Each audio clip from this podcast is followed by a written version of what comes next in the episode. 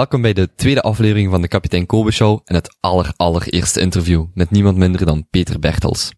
Nu, voor degenen die de aflevering 1 hebben gemist, nog een korte samenvatting van wat eigenlijk de Kapitein Kobe Show is, want in aflevering 1 bespreek ik het vrij uitgebreid. Um, in de Kapitein Kobe Show ga ik, Kobe van Reppelen, op zoek naar interessante mensen. Interessante Belgen, Vlamingen, Nederlanders. Mensen die op hun manier ons landschap veranderen of ons landschap beïnvloeden. Mensen die vrij zeker zijn van hetgeen ze willen en daar ook op een zelfzekere manier mee omgaan. Ze zijn niet altijd even overtuigd van hoe ze op dagdagelijkse basis tot op een doel geraken, maar voor mij hebben ze wel een vrij duidelijk idee van wat ze willen bereiken op de lange termijn. En dat is ook wat al mijn gasten gemeenschappelijk hebben. Nu, waarom dan exact? Ik heb zelf een, een, uh, sinds een paar jaar uh, een enorm interesse in de wereld rondom mij. Wel, ik heb dat altijd gehad, maar is dat veel bewuster gekomen. Zelf heel veel audioboeken beluisterd, uh, interviews beluisterd, boeken gelezen.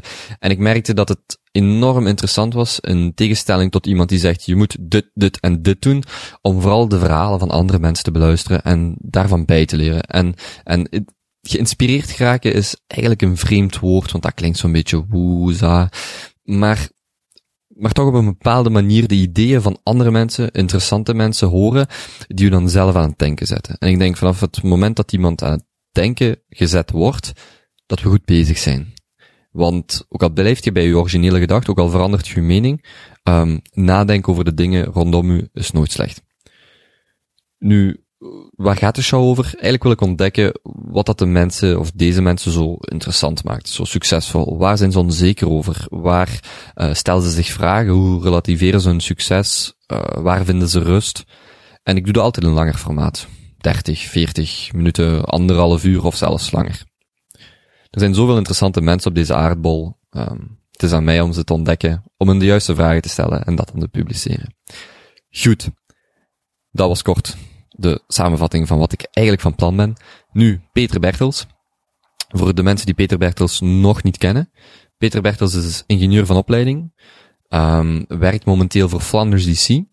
En Flanders DC, voor degenen die dat niet kennen, werken rond innovatie en de creatieve methodes en oplossingen voor bedrijven in, in Vlaanderen. Um, zij hebben een aantal, een aantal workshops, een aantal evenementen, een aantal uh, documenten waarmee mensen op een creatieve manier aan de slag kunnen. Ik heb Peter Bertels ook vanuit dat standpunt geïnterviewd. Peter, voor de mensen die hem persoonlijk kennen, is een enorm enthousiast persoon. Iemand die, zoals ik in, in de inleiding aanhaalde, vrij goed weet, althans dat lijkt toch zo, waar dat hij mee bezig is. Welke weg dat hij voor zichzelf uitzet en heeft uitgezet. En ik ben naar Peter gestapt met de vraag om mijn allereerste gast te zijn. Peter zag dat direct zitten. Daarvoor ben ik heel dankbaar, want uh, het is en blijft enorm spannend. Ik ben uh, enorm nerveus, want het is iets wat ik normaal, uh, wat, wat de eerste keer is dat ik doe.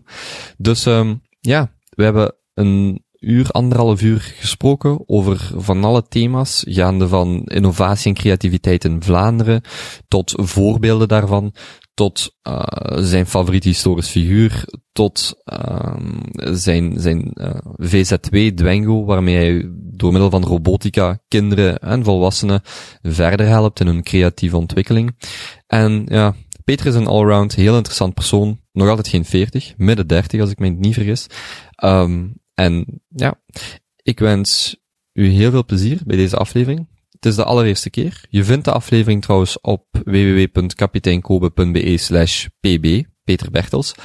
Um, daar vind je het artikel met alle links, inhoudelijke verwijzingen, wat dan ook de boeken die wij bespreken. Alles wat hier aan bod komt, komt terug in, die, in dat artikel.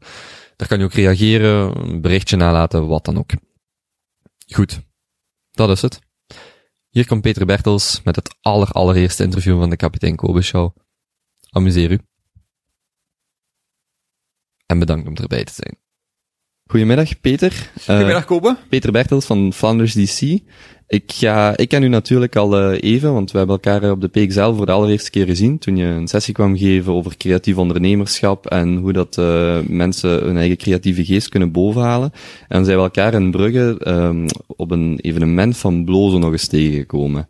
Ja, juist. Voor de mensen die u, die u nog niet kennen, um, wie, is, uh, wie is Peter Bertels en uh, waar komt je Peter Bertels in, in het dagelijkse leven tegen?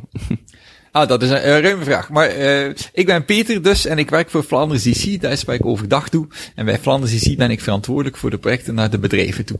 Dus we hebben bij Flanders DC een aantal doelgroepen, maar een belangrijke doelgroep voor ons is bedrijven helpen om op een creatieve manier met een ondernemerschap aan de slag te gaan. Om met nieuwe businessmodellen na te denken, marketing enzovoort. Toen we elkaar in Brugge zagen, uh, sprak ik op het Sportinnovatiecongres. Mm -hmm. Dat ook in de sport heel veel organisaties bezig zijn met hoe kunnen we mensen aan het sporten krijgen. En daar met creatieve ideeën of naar creatieve ideeën op zoek waren. Of ideeën hadden, maar die wilden gaan realiseren. Dat zijn allemaal dingen waar we mee kunnen helpen. En daarnaast ben ik ook nog oprichter van Dwengo. En dat heb ik in mijn uh, uh, studententijd als doctoraatstudent in Gent heb ik dat samen mee opgericht met een paar anderen. En met Dwengo maken wij mensen warm om met robotica of elektronica aan de slag te gaan. Mm -hmm. Omdat wij vinden dat dat belangrijk is dat mensen in technologie of in wetenschap actief zijn. Er zijn veel te weinig ingenieurs in ons land en in de wereld. En uh, als elk kind voor zijn 18 een robot gebouwd heeft, dan zijn we mee bezig. Ja, enfin, super. Dat is keihard, daar komen we misschien straks nog wel op. Ja, daar komen, daar komen we nog uitgebreid op terug, want ik vind het zelf een uh, super interessant onderwerp. Peter, um, je lijkt een uh, creatieve duizendpoot en lijkt je niet alleen ben je ook uh, voor mij persoonlijk. Um, hoe komt dan een, een dokter in de computerwetenschappen bij Flanders DC bij de Vlaamse overheid terecht? Ja, dat is een, dat is een, een, een fijn verhaal eigenlijk. Ik ben in, uh, in 2008 was ik op het Creativity World Forum. Dat is het grootste congres wereldwijd rond creativiteit en innovatie. Dat organiseerde Flanders DC toen. En ja, vandaag nog altijd, om de zoveel jaar doen we dat dan in Vlaanderen, alle andere jaar in het buitenland. Maar ik werkte nog niet voor Flanders CC. Waar werkte je toen? Ik werkte toen aan de universiteit. Ik was toen met mijn doctoraat bezig en ik wou naar dat congres toe. Um, maar daar waren ze aan de universiteit niet zo happig op eigenlijk, want dat vonden ze zo wat te fluffy. Was zo creativiteit en innovatie, het zal wel. Je kunt beter de rest van de wereld overvliegen om daar over computer science te gaan vertellen en dingen te gaan bijleren, dan over creativiteit, want dat is zo algemeen en vaag. Maar ik was daar dan toch naartoe geweest.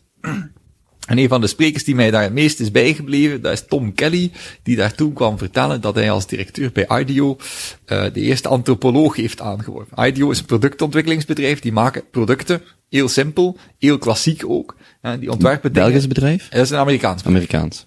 Ja. IDEO, IDEO, uh, .com, uh, die zitten in Palo Alto, als ik me niet vergis. Mm -hmm.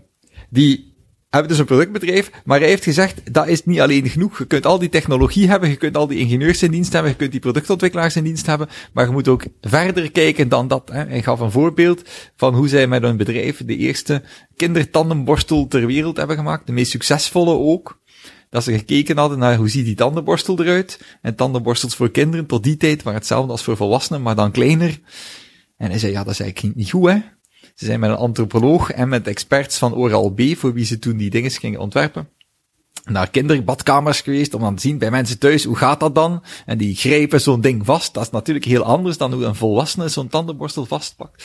En als je dat echt goed wilt kunnen doen, moet je dat zelfs voor kleine kinderhandjes, moet je dat ding in feite dikker maken, eerder dan dat dunner te maken. En, en daar kwam hij toen uh, over spreken. Dat soort idee kwam naar voren en toen dacht ik, ja, eigenlijk Flanders is wel een coole organisatie. Als die dat soort mensen naar voren kunnen halen. Als dat soort mensen, want binnen de universiteit keken ze nogal eng toch, naar die, naar die academische vrijheid. Je mocht dan van alles doen, maar het wordt toch gefocust om op echt met die computertechnologie mm -hmm. bezig te zijn. Die ruimte, die had ik wel nodig.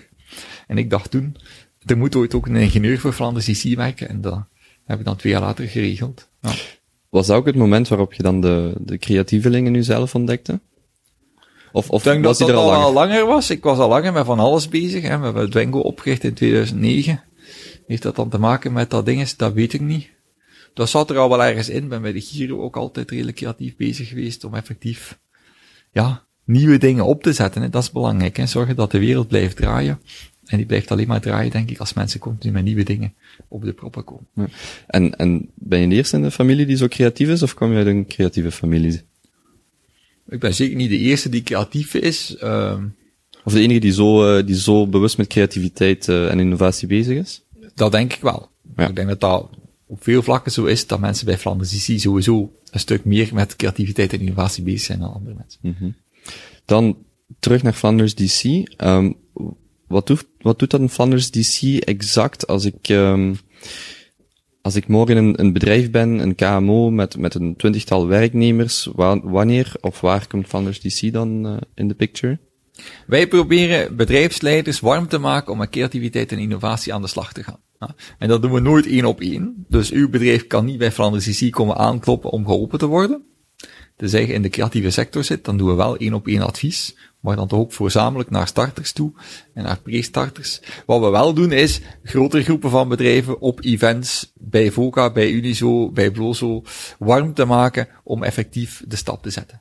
breed inspireren en ook de tools aantrekken om dingen te doen. Dus uw bedrijf met 20 werknemers, die kan wel op de website van Flanders DC een aantal tools bestellen, die effectief helpen om in de praktijk met creativiteit aan de slag te gaan. We hebben een brainstorm tool, we hebben een tool rond innovatiecultuur, we hebben dingen om na te denken rond uw businessmodel. Het zijn allemaal dingen die u aanreiken en waar we zelfs ook consultants hebben opgeleid om u in uw bedrijf te komen helpen.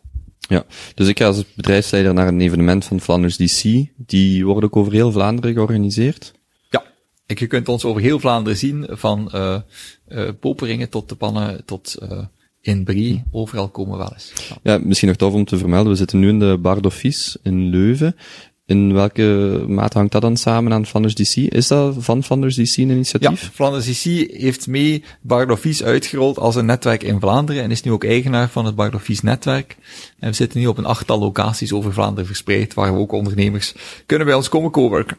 Ja, dus hier zijn, uh, hier zijn kantoren die mensen kunnen gebruiken, vergaderzalen. Hier is uh, koffie, heb ik gezien. Uh, kan iedereen vrij aansluiten met zijn bijdrage per maand. Ja, voilà. Voor 30 euro per maand krijgt je toegang tot het netwerk. En dan kunt je niet alleen bij ons hier in Leuven zitten, maar ook effectief op al onze andere locaties. Ja.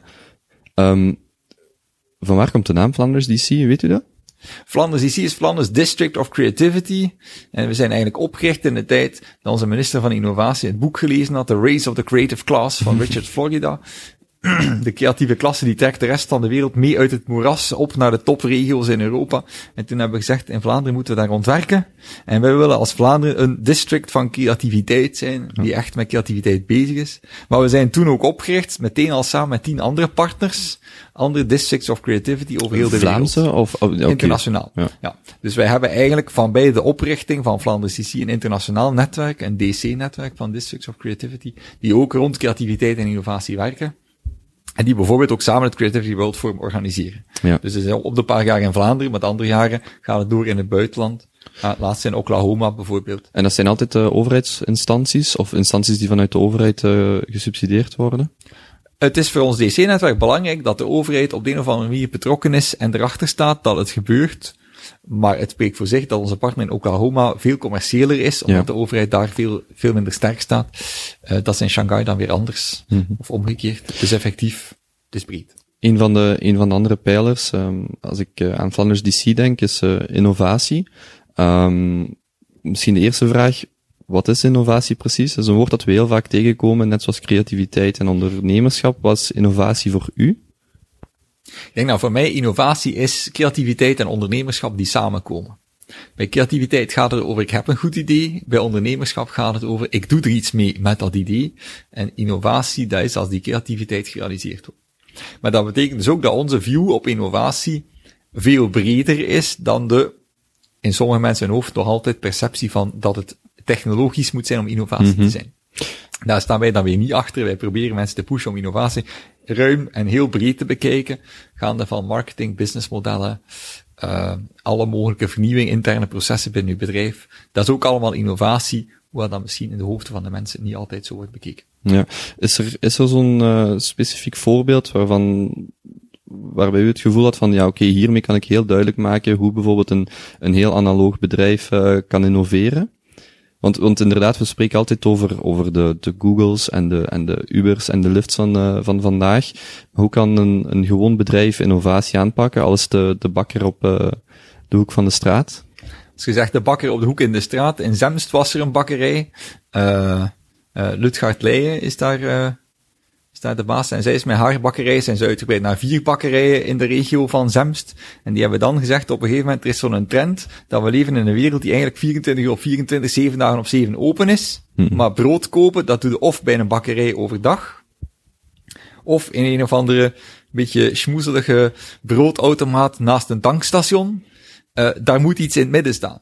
En zij heeft nu heeft ze Broodnodig opgericht, broodnodig.be, en zijn we nu een soort van keten van automatenwinkels. Effectief volledige winkels met broodautomaten. Enkel automaten. Enkel automaten die zij, acht keer per dag opnieuw beleveren. Dus daar gaat redelijk wat brood in om. Dat is allemaal super kaakvers brood. Dat is voor mij creatief ondernemerschap. Ja, En ja. daar is niet zo heel veel, enfin, op die automaten na misschien, maar dan nog, daar is niet zo heel veel technologisch Ja, aan. inderdaad. Dat gaat over een compleet nieuwe manier om je bedrijf te organiseren en op die manier dat brood dichter en altijd bereikbaar bij de mensen te krijgen. En zo zijn er veel, hè. Ik, ik ben nu bezig met nadenken over wat ik morgen ga vertellen in een workshop die we doen samen met eh, eh, het innovatiesteunpunt van Boerenbond rond business modeling.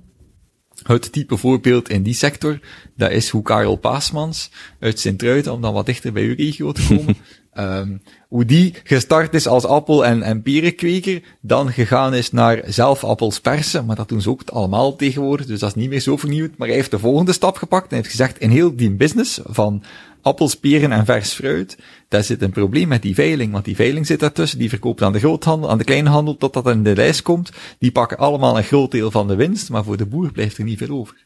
Hij heeft vandaag fruitsnacks.be, wat een service is waarbij je rechtstreeks aan bedrijven levert, Ja, ja, ja. met zijn eigen camionetjes, verse fruitmand, elke week op kantoor. Nou, we zijn bij Flanders IC zelf ook klant, en veel bedrijven vandaag.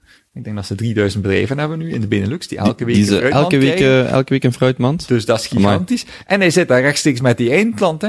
Hij werkt vandaag samen met heel veel nieuwe partners. Hij, hij koopt fruit in bij de collega's. Hij koopt ook bananen en appelsinen in tegenwoordig, want dat kweekt je niet bij ons. maar goed, voor zo'n fruitmand moet je wel een breed aanbod hebben. Eh, fruitverpakking enzovoort. Dat is een gigantische evolutie, maar dat is super innovatief. Ja. Terwijl daar technologisch Weinig, weinig, of technologie niets inderdaad. En, en daar, eh, want dat was eigenlijk een volgende vraag, een specifiek project of eh, begeleidingstraject waar je, waar je zelf heel fier op bent. Dat zijn dan de, de projecten die het eigenlijk eh, als innovatiemanager de, de moeite waard maken om te zien dat, dat zo'n een oud systeem in principe toch op een heel nieuwe manier anno 2015 eh, nieuwe klanten vindt en nieuwe sectoren Ik denk ontdekt. dat ook. Ja. Nu, we hebben niet heel concreet eh, brood nodig of fruitsnachts hebben niet heel concreet begeleid. Hè. Dat is Mhm. een case die we vaak naar voren brengen, omdat die goed bezig zijn. Maar er zijn ook die we zelf begeleid hebben. Hè. Wat Zoals? mij betreft, de meest creatieve ambtenaar van ons land is volgens mij Frank Verheijen. Eh, Frank Verheijden, sorry, ik moet het goed zeggen. Uit Neerpelt. Gemeenteambtenaar in Neerpelt, die gaat graag naar de kust met de hele familie. Maar als je naar de kust gaat vanuit Neerpelt, dan zijn er eigenlijk twee opties. Ofwel gaat je met de trein, maar dat gaat in feite niet, want dan kun je de buggy en alle boel die je mee hebt voor je kinderen, dat gaat dan niet. Ofwel gaat je in de file staan met een auto. Maar dat is ook een gesukkel, want met die kleine kinderen wil je niet drie uur in de file staan richting zee, als de rest van het land ook allemaal naar het, eh, het, het westen wil trekken. Wel, wat heeft hij gedaan? Hij heeft gezegd, het zou toch wel een keer cool zijn, moest ik gewoon met de trein naar Oostende kunnen, en dat er in Oostende, in, bij het NMBS treinstation, dat ik daar gewoon een buggy kan huren. Dat idee heeft hij binnengebracht binnen onze wedstrijd één idee per dag. We hebben dat vanuit ons SOS-idee adviesloket een stukje verder begeleid. Vandaag zit hij bij Started, een project van KBC waar Ja. wij vanuit Flanders ook partner mee zijn. En is dat gerealiseerd. Je kunt vandaag buggies boeken Ja. met buggyboeker in Oostende, in Leuven, in Mechelen. Hij is aan het spreken met Amsterdam en in Duitsland zit hij ook tegenwoordig, geloof ik. Dus dat is echt creatief ondernemerschap. En de technologie daaraan, dat is, dat is die buggies hebben ze natuurlijk wel moeten ontwikkelen. Dat zijn vrij stevige buggies, want mensen gaan daar wat minder voorzichtig mee om. Met, met gehuurde buggies dan met hun eigen ding. Maar voor de rest is daar niks technologisch aan. Hè. Dat is gewoon een super vernieuwend idee. Ja, en, en ik denk dat het, eh het super interessant is dat eh in vandaag, waar, waar eh, we in digitale samenleving werken of leven, dat je dan ziet dat zo'n idee vrij schaalbaar is ook. En dat iemand eigenlijk met, met een tof idee, met buggies, zoiets kan te, te werk stellen. Exact. Stel, want we hebben het nu over eh, voorbeelden van, van mensen die denk ik iets ouder zijn. Stel, ik eh, ben morgen 18 jaar en ik heb geen idee wat de toekomst mij brengt. Ik sta voor de keuze, ga ik naar de hogeschool, ga ik, eh, of universiteit, ga ik verder studeren, begin ik te werken. Ehm, wat zijn stappen die jij zo iemand zou aanraden om, om een goede keuze te maken naar de toekomst toe? Vanuit het standpunt van ondernemerschap, creativiteit en uzelf vooral ontwikkelen. Ik denk dat wat dat je kiest als studierichting niet zo super belangrijk is. Ik wil iedereen aanraden om voor ze 18 zijn een robot te bouwen. En dan kunt je al voor jezelf weten of dat, dat wel of niet iets voor u is, technologie of niet. Hè, want dat is dan mijn ander ding en dat is op zich wel belangrijk. Maar voor de rest, wat dat je ook kiest, als je echt goed bent, komt wel op je pootjes terecht. Ik geloof dat Hans Bourlond is toch ook niet de meest uh, geflopte ondernemer. En die zit Inderdaad. met Studio 100 vrij goed bezig. Ik ben niet vergis, heeft hij wijsbegeerte gestudeerd of zo. Hè? Dus het maakt allemaal niet uit. Je moet, het, je moet ervoor gaan. Dus ik denk het beste wat ik u kan aanraden, als je 18 bent en je zit nog niet bij de jeugdbeweging, ik zou dan bij de Giro gaan en zorgen dat ik daar leider kan worden. Ja.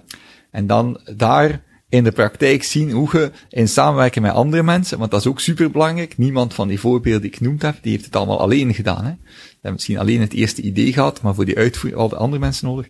Bij de Giro heb ik denk ik geleerd hoe het is om verantwoordelijkheid op te nemen, hoe je in samen met anderen echt super grote projecten kunt opzetten. U haalde daar net een, eh, een, een, een paar voorbeelden aan en geeft net de tips uh, voor een 18-jarige. Zijn er uh, bepaalde karaktereigenschappen die u steeds terugziet bij mensen die, waarmee u in contact komt? Creatieve mensen, mensen die nadenken over de toekomst, mensen die, die bezig zijn met, met ideeën te ontwikkelen, hebben die bepaalde karaktereigenschappen die ze ofwel van nature hebben of, of ontwikkeld hebben? Ik denk dat er twee karaktereigenschappen zijn die je vaak ziet terugkomen, die belangrijk zijn, maar die je ook allebei moet hebben. En de eerste ding is, je moet een stukje creatief zijn. Ik weet niet hoe hard dat, dat aan te leren is. Ik zeg in mijn workshops altijd, als je helemaal niet creatief bent, dat kan niet. Dat is niet ja of nee, dat is een beetje grijs. Dat is gelijk Frans. Ik spreek ook niet zo goed Frans, maar toch een beetje. Ik heb op school wat meegekregen. En als ik dan vorige week nog in Parijs was, gesprek met mensen, dan komt dat wel weer terug. Weet je, dat is met creativiteit ook zo. Je moet dat wat oefenen, wat onderhouden en dan komt dat wel goed. Maar intrinsiek zal het altijd zo zijn dat bepaalde mensen creatiever zijn of minder creatief zijn. Maar daarnaast moet je denk ik een doorzetter zijn. Je moet een doener zijn. Je moet een durver zijn ook. Durven, doorzetten, doen zijn minstens even belangrijk. Want ik ken ook heel veel mensen en ik zie soms mensen, ik kom soms mensen tegen op een gesprek die zeggen, ik heb al jaren een creatief idee. ja, dan denk ik, waarom heb je daar nog niks mee gedaan? Mm -hmm. Want als je dat jaren geleden had, ja, de, de, de, de wereld zal het niet allemaal voor u doen. Hè? Je zult het zelf moeten realiseren. En ik denk dat die durf, dat we dat zien. Hè? Frank Verheijden bijvoorbeeld. Ik denk trouwens dat niet zo fijn vindt dat je hem wat ouder genoemd hebt, hè, want dat is nog een vrij jonge gast. uh, Frank Verheijden, die is uh, er helemaal voor gegaan. Hè. Die was vast benoemd als ambtenaar bij de gemeente. Ja. Die was zeker van een supergoed pensioen enzovoort. Die is daar nu gestopt. Hè. Die is vorig jaar op 1 januari uh... is hij halftijds gaan ondernemen. Zat hij nog halftijds ja. en heeft mij nu verteld dat hij 31 december stopt hij ermee. Ja, ja. En hij heeft ondertussen, is er nog voor de derde keer papa geworden ook. Dus dat zijn allemaal kosten die blijven lopen en die zullen oplopen. En die crash, dat is allemaal niet goedkoop. Maar niettemin, hij durft en heeft gezegd, ik laat dat achter mij, die zekerheid, ik ga volop voor mijn onderneming. En dat is, dat heb je nodig. En mm -hmm. dat is iets wat dat, ja, ook moeilijk te ontwikkelen is, denk ik, wat wel gestimuleerd kan worden in die zin dat er in België veel meer vangnetten zijn dan mensen soms denken. De onzekerheid als ondernemer is natuurlijk groter dan als werknemer, maar niettemin, dat valt wel mee. Wat zijn zo vangnetten of, of uh, constructies die, die mensen vaak niet kennen en toch uh, mogelijk zijn? Uh, ik denk dat het risico over het algemeen, als je een goed idee hebt, je hebt dat goed voorbereid, veel kleiner is dan mensen dat inzien. Ja, het is nog vaak zo dat veel mensen, als ze thuis zeggen, ik word ondernemer, dat papa en mama raar opkijken. Terwijl in feite, dat Allee, dat heeft een zekere onzekerheid, maar aan de andere kant, als je bij een groot bedrijf werkt, je kunt ook morgen ontslagen worden, of dat bedrijf kan naar het buitenland verhuizen enzovoort. Als je het zelf in handen hebt, is dat ondernemerschap wel sterk. Ik hoorde dat de mensen van Brio, zo'n project van VOCA voor jonge ja. ondernemers, die hebben nu denk ik, dat zal al bijna duizend bedrijven zijn die ze mee in dat Brio-netwerk hebben opgestart. Als die allemaal een paar mensen in dienst nemen, en er zitten kleinere bij, maar er zitten ondertussen ook al vrij grote bedrijven bij, dan hebben die allemaal, heel die community van startups, die hebben een paar duizend mensen in dienst. En die gaan niet morgen naar een ander land verhuizen, omdat een of andere grote baas in Europa of, of ergens in de VS beslist heeft, we gaan verhuizen. Ja. Die zijn lokaal verankerd, dus ik denk dat dat voor onze economie wel heel belangrijk is. Ja, en die en- zekerheid creëert je voor een stuk. Natuurlijk, je hebt een risico.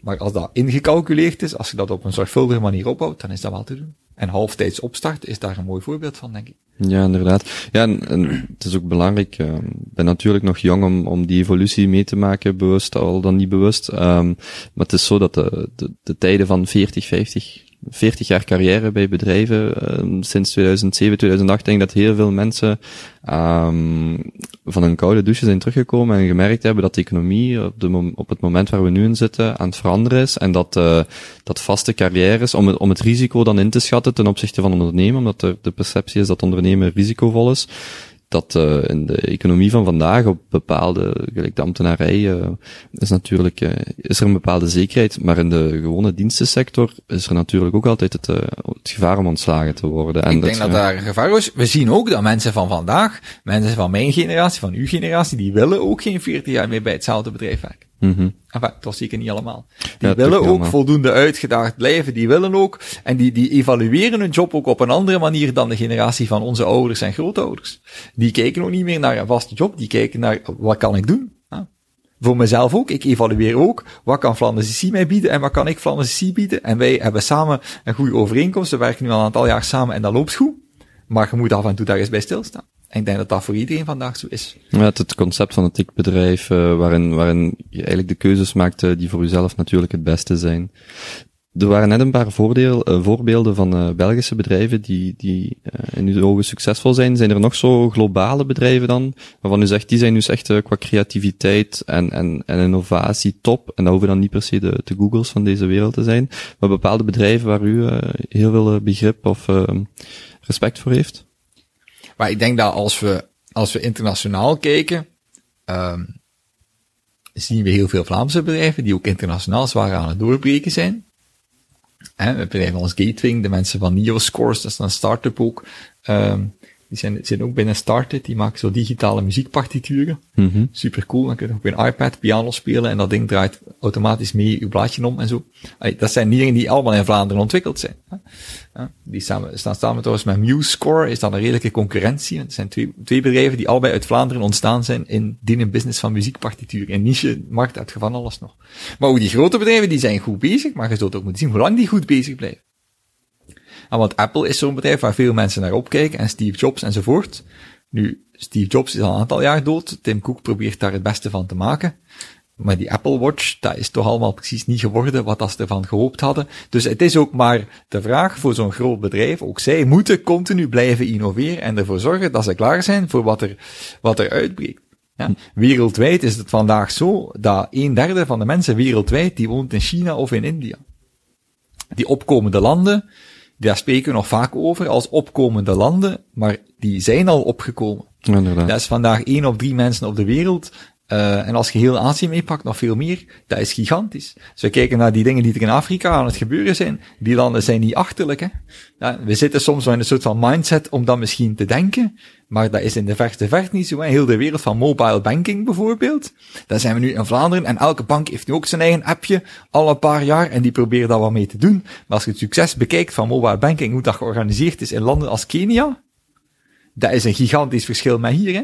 want die zijn daar gewoon ja, die hadden daar voor de rest niks. Die zijn grote stappen, hebben die voorsprong kunnen opbouwen. Hè? Dat ja. is ongelooflijk. En, en de kloof tussen beiden, neem ik aan, wordt ook uh, met de dag, uh, bij wijze van spreken, kleiner. Hè? Die kloof wordt kleiner. Ja. Wat niet wil zeggen dat er ook nog problemen zijn, hè, maar niet te min. Die kloof wordt kleiner. Die grote bedrijven, die ziet je ook dat die ook andere manieren moeten zoeken om die te structureren. Vandaag is Google, die zijn met 50.000 medewerkers wereldwijd.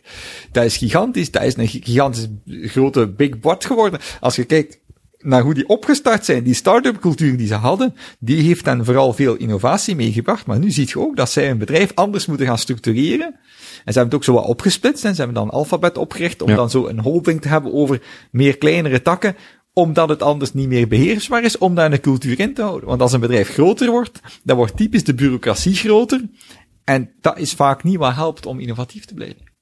U zei net, uh, en, en staat ook uh, zo beschreven op de website van Flanders DC, ehm, dat creativiteit op zich geen doel is, maar, maar wel een middel uh, om bedrijven, om, om creatieve, creatieve projecten op poten te zetten en naar de toekomst te kijken. Nu, hoe vermijdt een bedrijf een te zware focus op creativiteit als doel? in een tijd waar eigenlijk iedereen bij wijze van spreken maar moet innoveren en creatief zijn. Hoe, hoe kan een bedrijf daar best dan mee omgaan in een, op een gestructureerde manier? Ik denk dat het risico dat bedrijven te creatief zijn, dat dat voorlopig precies niet zo groot is. Over het algemeen zijn de meeste bedrijven niet creatief genoeg, denk ik. Dus al bij al valt dat wel mee. Maar wat denk ik de cruciale vraag hier is, dat is het verschil tussen die creativiteit en die innovatie. Ja, bedrijven kunnen super creatief zijn, maar innovatie is pas als je je creatief idee gerealiseerd hebt, in de markt gezet hebt, en als je er klanten voor hebt gevonden, die bereid zijn om te betalen voor de creatieve meerwaarde die je oplevert. Dat is zo het langere verhaal. Ik denk dat je dat moet gaan doen, en daaraan moet je jezelf afmeten. Dus je mocht inderdaad niet zeggen, we hebben nu weer 20 ideeën binnengehaald op een brainstorm, we zijn klaar. Dan begint het pas. Dus dat creatieve is eigenlijk maar een heel klein deel in het verhaal. Dat is die eerste, die eerste radertjes die je nodig hebt. Ja. Um, drie doelwaarden of, of, of drie dingen die terugkomen bij Flanders DC zijn het uh, business model innovatie, de design thinking en customer development. Kan je die ideeën of projecten toelichten? Het zijn inderdaad drie belangrijke dingen. Als we kijken naar business modeling, dan gaat het eigenlijk over hoe kan ik uh, op een andere manier en op een Ah, is wel niet meer zo'n heel nieuwe manier, maar sinds Osterwalder met het business model Canvas en nu recenter met zijn value proposition Canvas, hij een gestructureerde manier bedacht om na te gaan, hoe ben ik met mijn bedrijf in feite bezig? Wat doen wij in feite? Voor wie doen wij dat? Hoe organiseren we dat? Het business model Canvas is op dat vlak een hele goede tool om te kijken naar uw basis van waar sta ik vandaag. En dan kun je daar bovenop creatieve ideeën gaan uitmappen. En dan kun je zeggen, we hebben een creatief idee uit een brainstorm gepakt, we gaan nu eens nadenken over een businessmodel om dat idee ook te realiseren. Want is er vraag naar welke partners hebben we nodig? Of gaan we het allemaal alleen doen? En wat moeten we ervoor doen? En wat gaat ons dat kosten? Dat, die inschatting, die business model innovatie gaat in feite over. Ik kijk naar mijn bestaande case en hoe kan ik die gaan evolueren? Dus dat is één lijn, één track die heel belangrijk is. En dat is een track die ook gaat naar nieuwe businessmodellen gaande van ik verkoop vandaag iets, ik wil dat gaan verhuren, gaande van uh, ik heb vandaag een service, maar ik wil daar ook meer aan aanbieden. Al dat soort dingen komen op zo'n businessmodel canvas terug en kunt je met businessmodel innovatie gaan zien, wat kunnen we daarmee doen. Typisch voorbeeld dat ik al genoemd heb, is die fruitsnacks, maar zo zijn er 101 voorbeelden. Hè. Vorige week heb ik nog het voorbeeld laten zien van Bruno Pieters, modeontwerper, die op zijn website in zijn honest buy concept exact 100% transparant is. Transparantie is ook een van die waarden die vandaag in de samenleving belangrijk zijn. Wel, zijn businessmodel vandaag is, ik verkoop dingen, uh, maar ik zeg ook heel transparant waar alle elementen die er in die kledij zitten, waar die vandaan komen, wie die gefabriceerd heeft, welke producten dat zijn, wat de kosten zijn. En een heel transparant prijsbeleid, dat is niet simpel. Want vandaag zien mensen op, op zijn site dus dat je een kledingstuk kunt kopen voor 695 euro, dat in productie kost maar 150 kost. Dat is iets waar mensen vaak niet zo stil bij staan, waar mensen ook niet zoveel zicht op hebben. Hij geeft dat vandaag wel. Dat is een radicaal ander businessmodel. Dus zo zien we heel veel dingen in heel veel sectoren.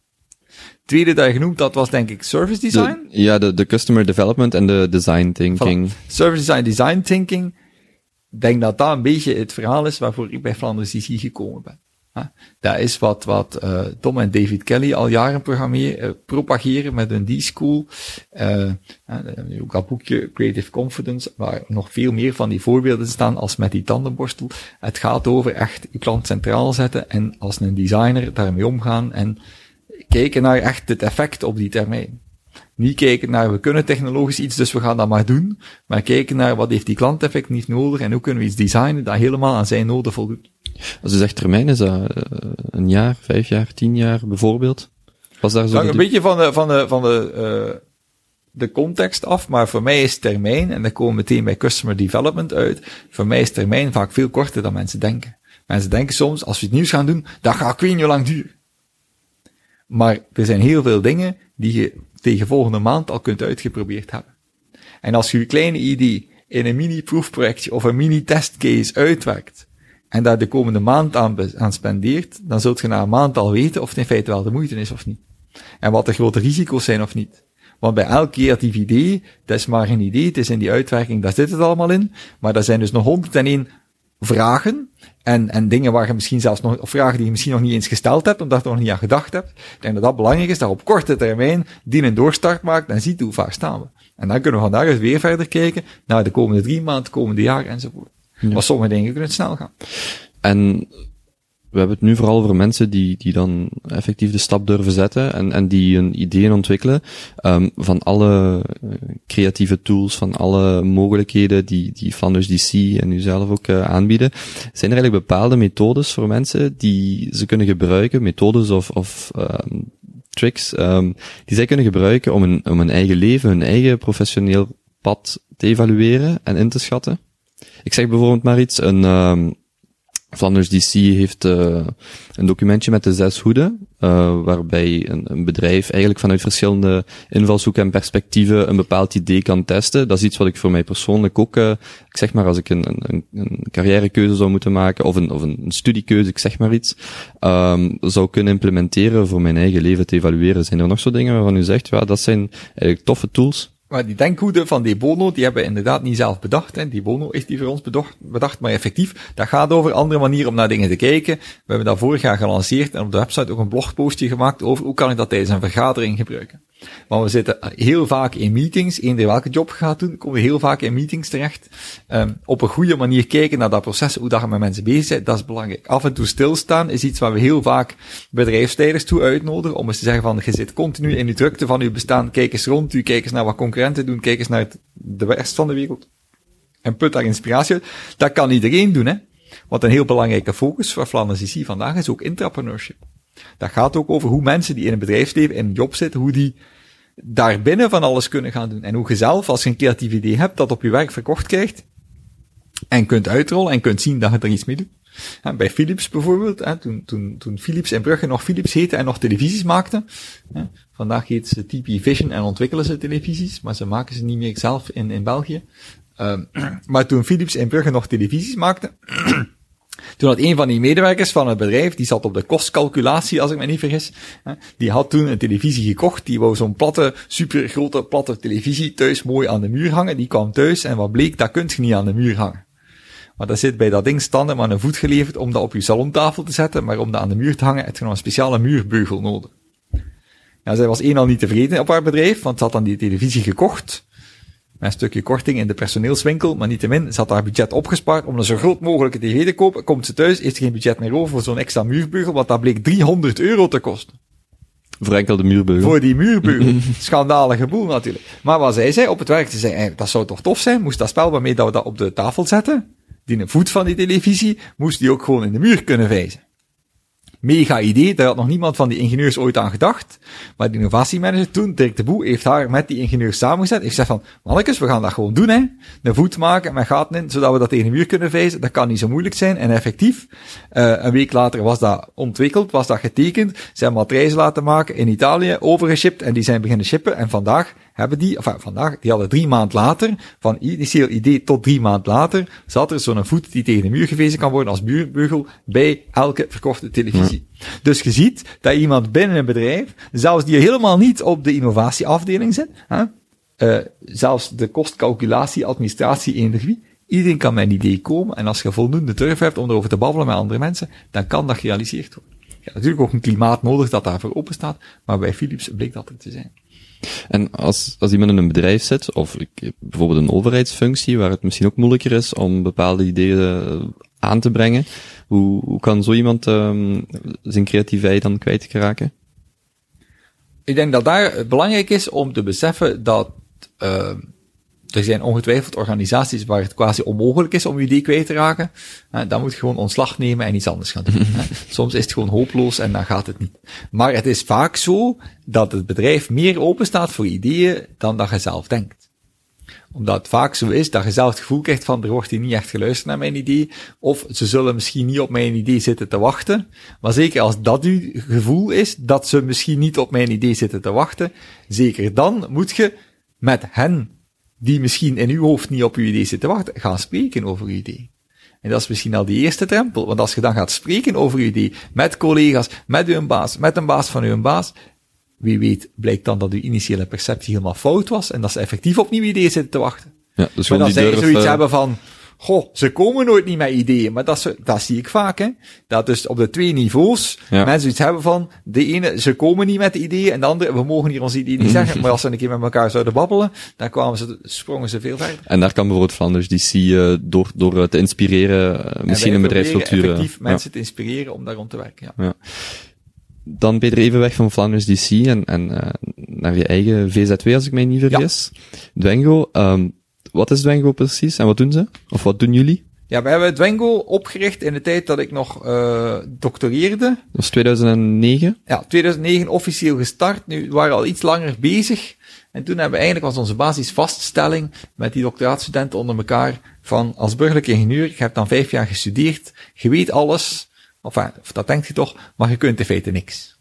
Als, als burgerlijk ingenieur? Als burgerlijk ingenieur, het is allemaal niet zo praktisch kunnen we niet iets praktisch doen met de mens? Hè?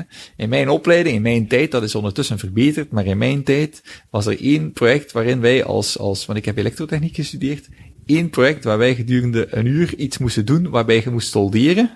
Zo hebben wij ene keer in heel die opleiding van vijf jaar soldeerbout vast gehad. En toen moest dat zo rap gaan in dat practicum, dat eigenlijk de student die dat thuis alles gedaan had, solderen, dat die toen de soldeerbout heeft vastgepakt, want het moest vooruit gaan, de rest moest met berekeningen bezig zijn, enzovoort. Vandaag is dat helemaal anders, maar toen, dat was de situatie. En wij hebben gezegd, we gaan starten met workshops rond elektronica, en we gaan studenten samenbrengen op, op dinsdag namiddag, of dinsdagavond, zelf eens een keer iets te maken. Dat waren trouwens uh, ingenieurstudenten en geen, geen doctoraatstudenten op, op dat moment. Ja, wij waren, ja, wel, dat was toen voor ingenieurstudenten, hè, van de eerste bachelor tot en met het laatste jaar, gingen we dan die workshops doen op donderdag, um, of op dinsdagavond. En wij zelf waren toen al afgestudeerd, maar waren nog aan het doctoreren. Ja. En dus waren allemaal ingenieurs, maar nog aan het doctoreren. Hebben we dat toen opgestart. En zijn begon het eerste project, je weet nog, dat was een flikkerlichtje. Dan hadden we een knipperlichtje gemaakt met twee, uh, twee ledjes, twee transistors en dan nog een paar weerstandjes en een batterijke. En dan kun je iets maken dat om de beurt een lichtje flikkert. That's it. Dat is heel simpel. Dan kun je in theorie compleet uitrekenen hoe traag of hoe snel dat die flikkeren. En afhankelijk van de weerstandjes die erin steekt, wordt die wisselkring anders en dan klapt dat andersom enzovoort. Super interessant.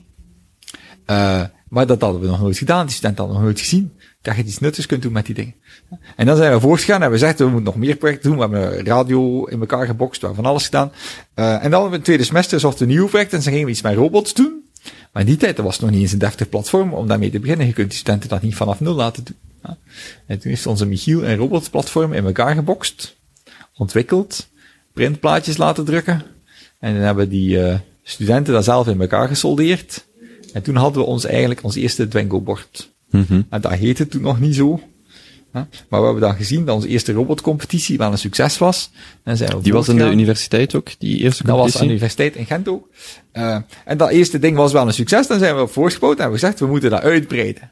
Want we hebben hier iets in handen, we willen daar een bedrijf rond oprichten en we gaan ervoor zorgen dat we met dat bedrijf de wereld gaan veroveren en iedereen gaan de kans geven om de robot te Trouwens, als je zegt we, zijn jullie dan met twee? We zijn met zes opgestart. Met zes, ja. ja. Ja, dat is een grote groep in het begin. Ja, vandaag staan op onze site denk ik bijna twintig vrijwilligers. Mm -hmm. um, maar we zijn toen begonnen, we gingen eerst een BVBA'tje oprichten. Dat was dan een probleem met dat we nog een doctoraatsbeurs hadden. En dan krijg je zo'n soort van belastingvrije beurs. Daarnaast mocht je niks bij verdienen. Enfin, lang verhaal. hebben we een VZW van gemaakt. Uh, en dat is het vandaag nog altijd. Hè. We zijn opgericht in 2009. En we zijn vandaag internationaal bezig. Ja, want uh, jullie hebben ook een samenwerkingsverband, of een, een actieve samenwerking met, uh, met Google. Ja. Um, wat houdt dat precies in? Ja, Google die heeft wereldwijd, ik geloof ondertussen een veertigtal partners in education, die bezig zijn ook met onderwijs en techniek. Um, en wetenschap, wel, wij zijn de eerste partner van Google op dat vlak in de Benelux. Ja. We zijn niet meer de enige, dat kon ik tot vroeger ook zeggen. Ze hebben in Nederland ook een partner gevonden. Maar niet meer zijn de enige. We hebben twee keer de Google Rise Award gewonnen in 2013, 2014. Google heeft ons geholpen om wat echt groot te denken. Maar dat is dan iets wat bij Google wel goed ingepakt zit. Die hebben ze die cultuur van, je moet ver genoeg vooruit Het schaalbare. Gaan. Schaalbaar. Um, en dat hebben we gedaan. Hè. We zijn opgestart in Argentinië, hebben een volledig project. Daar hebben we nu een paar duizend leerlingen die elk jaar een robot bouwen. We hebben daar een contact ook met de overheid. Zijn leerlingen dan de min 18-jarige uh, middelbare studenten? Ja, of, middelbare of de... school. Dat ja, zit in middelbare, middelbare school. school. Ja, ook een stuk unief, maar het gros zit daar in middelbaar onderwijs. Uh, die hebben vandaag zelfs hun eigen Dwingo productielijn. Ja, omdat het altijd niet simpel is om dingen van Europa naar daar binnen ingevoerd mm -hmm. te krijgen, invoerrecht en een gedoe. Vandaag hebben die een eigen productielijn daar. In India zijn we opgestart, daar hebben we nu een project lopen. We zijn gestart, uh, van voorbereiding eind 14, maar dan januari 15. Uh, dit jaar is Francis, uh, onze voorzitter, daar naartoe geweest. Um, en daar hebben we nu een traject waar dat we het komende twee jaar, enfin, het is nu al een jaar bijna voorbij, 100.000 kinderen gaan de kans geven om een robot te bouwen. En ons idee daar is effectief, elk kind moet die kans krijgen om zoiets te doen. Wij zijn een groot fan van dat elk kind met de klas naar toneel gaat, omdat niet alle ouders daar tijd voor hebben om in het weekend naar toneel te gaan met de kinderen. Wel, omdat ook niet alle ouders de mogelijkheden hebben om thuis met elektronica bezig te zijn, of met computers en programmeren, vinden wij dat dat op school moet gebeuren en dat op school elk kind de kans moet geven om dat, dat te ontdekken. Was ook vanaf het begin de focus om effectief uh, de wereld te veroveren en ervoor te zorgen dat kinderen met, uh, wel de wereld te veroveren is misschien... Uh, ja, we willen toch wel, we willen toch wel groot gaan. Ik denk dat die ambitie wel belangrijk is. Uh, en Google heeft die nog een stuk versterkt, omdat we effectief nu heel internationaal aan het denken zijn. We zijn nu bezig om te kijken hoe dat we in Afrika iets kunnen doen. Kwestie van op alle continenten actief te zijn en dingen te kunnen realiseren. Maar we blijven ook in Vlaanderen nog hard timmeren aan de weg. Duitsland is bijvoorbeeld een, land waar we nog niet zo actief in zijn, waar we nu aan het kijken zijn, hoe kunnen we dat daarop starten. Ja, en um, we hadden het net een, uh, over Peter Bertels, over Flanders DC, over Dwengo. Misschien uh, een interessante vraag. Zie, zie je jezelf eigenlijk als een ondernemer dan? Als een, als een soort van leraar? Als, een, als iemand die uh, wereldverbeteraar klinkt, klinkt misschien... maar ik ben sowieso een stukje een wereldverbeteraar.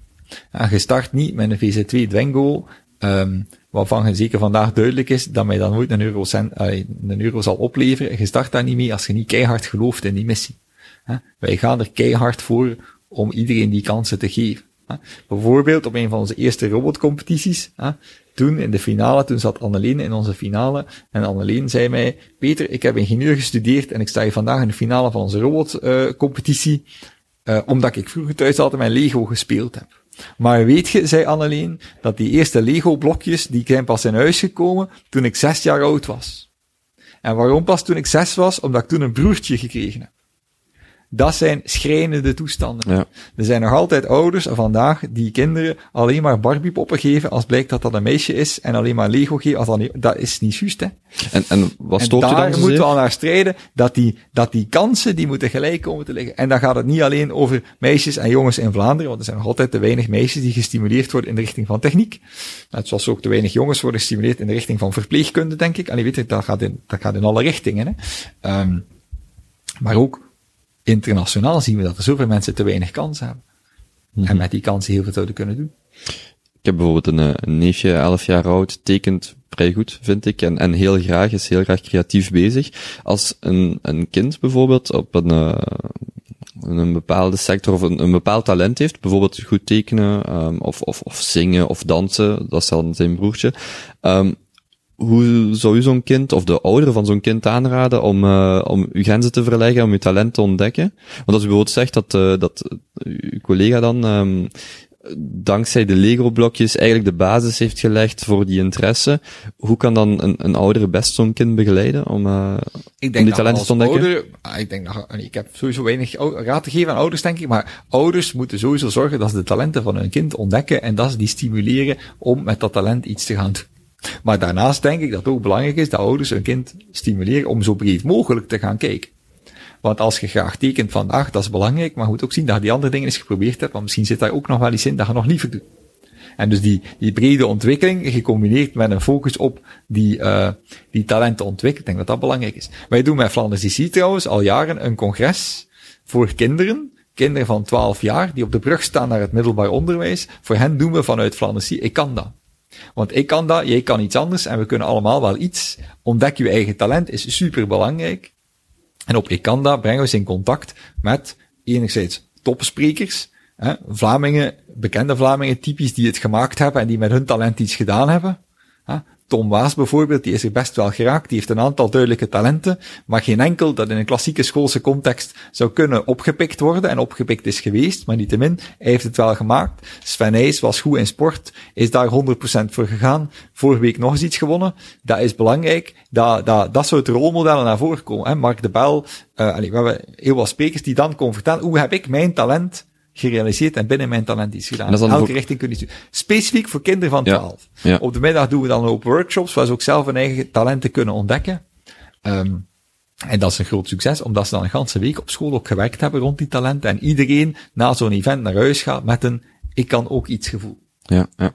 En zijn dat dan, hoe moet ik mij dat voorstellen? Daar zit een groep met 20, uh, 12-jarigen of een veel grotere groep in een klas en daar komt dan iemand spreken? Of, of... Wij, wij brengen uh, kinderen vanuit een 30, 40 tal scholen samen in Leuven op een ja. mega-event waar ze met okay. 1500 kinderen ah, samen super. Zitten. En die hebben er op school op voorhand al rond gewerkt. Die hebben allemaal een t-shirts gemaakt ook. Dat is, ja. een van die dingen die wij dan doen om te zien dat de school mensen heeft meegedaan en ook dat, dat lespakket wat gevolgd heeft. En dan maken ze een t-shirt waarin ze helemaal beschilderen met dingen hun talent uh, aankruisen.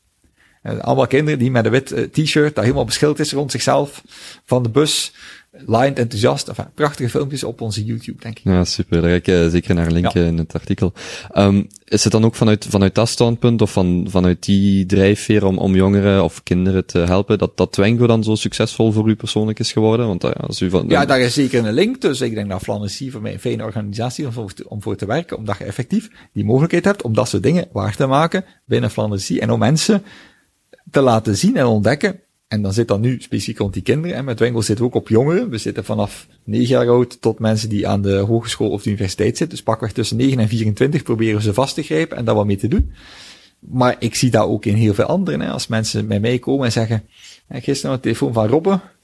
Robbe die zit aan de, de, de Vives Hogeschool, geloof ik. Of in Gent dan niet vast in Kortrijk, zo was Ja, heeft een UGent-adres, maar hij zit in Kortrijk. Zo gaat dat tegenwoordig met die fusies en die toestanden. Uh, zit in Kortrijk, is zijn businessmodel aan het uitwerken, want hij is daar ingenieur, volgt zo wat productdesign richting in Kortrijk. En ze hebben nu een heel ding gemaakt, een soort van zak, waar je kunt, die je kunt vastbinden op een gate. Dus dat mensen in, in de Sahel, en ze zijn een project aan het doen in Burkina Faso, Mensen in de Sahel kunnen, als ze naar de waterput gaan, water pakken in flessen, die flessen op die geit vastbinden en met die geit terug naar huis komen.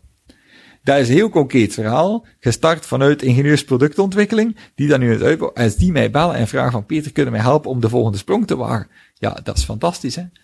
Als je die vanuit het klein stukje ervaring dat ik heb opgebouwd kunt helpen om de wereld wat ruimer te zien, om daar een sterk businessmodel rond te bouwen, want dat was in hun geval toch een vraag, dat is fantastisch. Ja, dus eigenlijk begint je dan met een zaadje te planten op een zesde, negende, twaalfde levensjaar, bij wijze van spreken. En dan uh, kan iedereen... Uh, Zoveel daar is waar iemand met Peter Bertels in contact uh, komt of kan komen. ja, enfin, op een kant komen ze vooral met die BV's in contact, maar effectief, dat is wat Vlaanderen IC probeert te doen. Ja. Zaadjes planten. Maar zaadjes planten wij ook. Als ik op dat sportinnovatiecongres heb gesproken, dan hebben we hopelijk ook voor die 500, 600 man die daar was, vanuit Blozo een zaadje in hen geplant Sport Vlaanderen moet ik nu zeggen. Want Inderdaad, ja. Sport Vlaanderen, dat die effectief een zaadje geplant hebben. Want elk van die mensen gaat achteraf naar huis, die komt in een eigen tennisclub, die komt in een eigen zwembad, bouwersbedrijf, die komen in een eigen ding terug en die moeten daar, zij moeten het uiteindelijk gaan doen, hè. Hm. Was trouwens leuk dat we op, op Sport Vlaanderen hebben ook gelanceerd. één idee per dag.blozo.be. Ook zo'n concept van Flandersie om elke dag een nieuw idee te pushen. Dan zijn nu, met de aanwezigen van dat congres, zijn daar een kleine 500 ideeën uitgekomen van mensen. En daar zitten echt mensen die echt 30 dagen aan een stuk elke dag een idee gepost hebben, hè, die dat dus in hun mindset zijn die veranderd. Ja, u, u had het net over uh, de Tom Waassen als, als idolen voor, uh, voor kinderen, uh, jongeren en, en kinderen ook. Um, zijn er bepaalde idolen die, die jij hebt? Idolen die ik heb. Ik ben niet zo'n idolenmens, denk ik. Maar ik denk dat uh, wat Lieven Scheire in Vlaanderen doet, dat dat interessant is, omdat die effectief... Op wetenschappelijk vlak? Op Scheire, de weten... vlak, ja. uh, erin slaagt om mensen mee te trekken. Ik vind dat hij ook op comedy vlak niet slecht bezig is, want dat is ook weer dan belangrijk dat je dat kunt linken aan. Ik denk dat het belangrijk is dat mensen ook voelen dat wetenschappers ook gewoon mensen zijn. De, ja, de tastbaarheid van... Uh... De tastbaarheid en, en, en dat het ook niet alleen allemaal nerds moeten zijn. Want het is vrij duidelijk dat Lieven Scheer een stukje een geek is, maar ook een stukje gewoon een mens is. En dat is wel belangrijk, denk ik. Dat dat niet opgesloten in een ivoren torentje zit, maar dat hij naar buiten komt. Ja. Um, maar ik denk dat internationaal, ik denk dat Tom Kelly zo iemand is naar wie ik wel opkijk. Ik denk dat er iets is, dat is echt fantastisch wat dat die mensen realiseren. Ja. Um, maar er zijn er zoveel. Ja. Ja. Ik heb een ganse Kindle vol staan met honderden boeken, waarvan ik nog altijd niet de tijd gevonden heb om ze allemaal in detail te lezen, waarvan ik weet van kijk, een paar hoofdstukken van gelezen, inleiding van gelezen, of wat dingen van gezien op TED bijvoorbeeld, waarvan je zegt, dat zijn echt prachtige prachtig voorbeeld van mensen die allemaal, en dat is dan wat ze allemaal gemeen hebben, die iets gerealiseerd hebben, die vanuit een talent dat ze hadden, vanuit een visie die ze hadden, um, gestart zijn en iets hebben waargemaakt.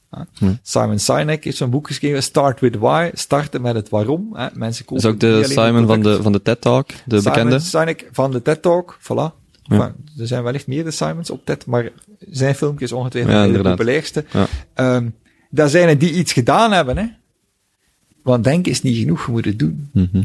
Ehm, eh, durven doen, doorzetten, dat is belangrijk. U zei net, eh, die boek op uw Kindle. eh, ik las dat u heel graag ehm, non-fiction leest eh, vanuit eh, van alle perspectieven. Ja, quasi uitsluitend, ja. Of quasi uitsluitend non-fiction. Is ehm, het lezen van non-fiction een soort van tegengewicht voor uw creatieve zelf? Of is het, ehm, of helpt het u op een of andere manier om net creatiever te zijn?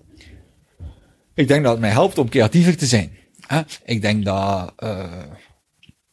ja, dat was, is op zich grappig. Ik stond gisteren voor een groep van, van managers in de zorg. Hè? Allemaal directeurs of HR-mensen van, van ziekenhuizen en, en rusthuizen en, en, en voorzieningen voor, voor mensen met een handicap. Eh, hier aan de KU Leuven was dat. Dat is een heel interessante groep van mensen om voor te staan. Ik heb een presentatie gegeven. Ik denk dat ik tijdens de presentatie minstens tien keer gezegd heb als je niet weet wat vragen voor onder de kerstboom, koop een keer een boek. En dat zijn allemaal interessante boeken die je kunt meepakken. En er zijn boeken die je kunt lezen en die ik u kan aanraden, die super cool zijn en waar je uren en uren en uren kunt lezen. En als dat iets voor u is, moet je dat zeker doen. Er zijn ook boekjes die ik mensen kan aanraden, waarvan ik zeg, daar kun je heel snel mee beginnen. Customer Development bijvoorbeeld. Je kunt het boek lezen, The Four Steps to Epiphany, waarin dat, ehm eh, Steve Blank dat, dat concept naar voren brengt. Je kunt de Lean Startup lezen van Eric Ries, waarin hij dat zo wat concreter maakt voor startups. Maar ik raad mensen altijd aan om te lezen The Entrepreneur's Guide to Customer Development van Brent Cooper. Dat is een boekje, dat is zo dun, dat echt iedereen, ook mensen die lezen haten, iedereen kan dat boek uitlezen op een uur tijd. En daar staan exact die stappen in.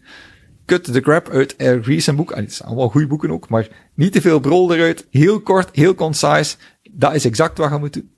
En dat model, dat is briljant. Ja, ja want dan komen we eigenlijk eh, direct bij, bij het laatste deel van het interview. Ik had eh, nog een paar algemene vragen voorbereid. En, en de eerste die ik u wou stellen was uh, uw boekentop drie, als, als, als u die zo heeft. Oei, boek het op drie. Wel, of, of drie boeken Ah. die iedereen in zijn leven, zowel non-fiction dan, neem ik aan, eh, ehm, gelezen moet boeken die hebben. iedereen moet gelezen hebben.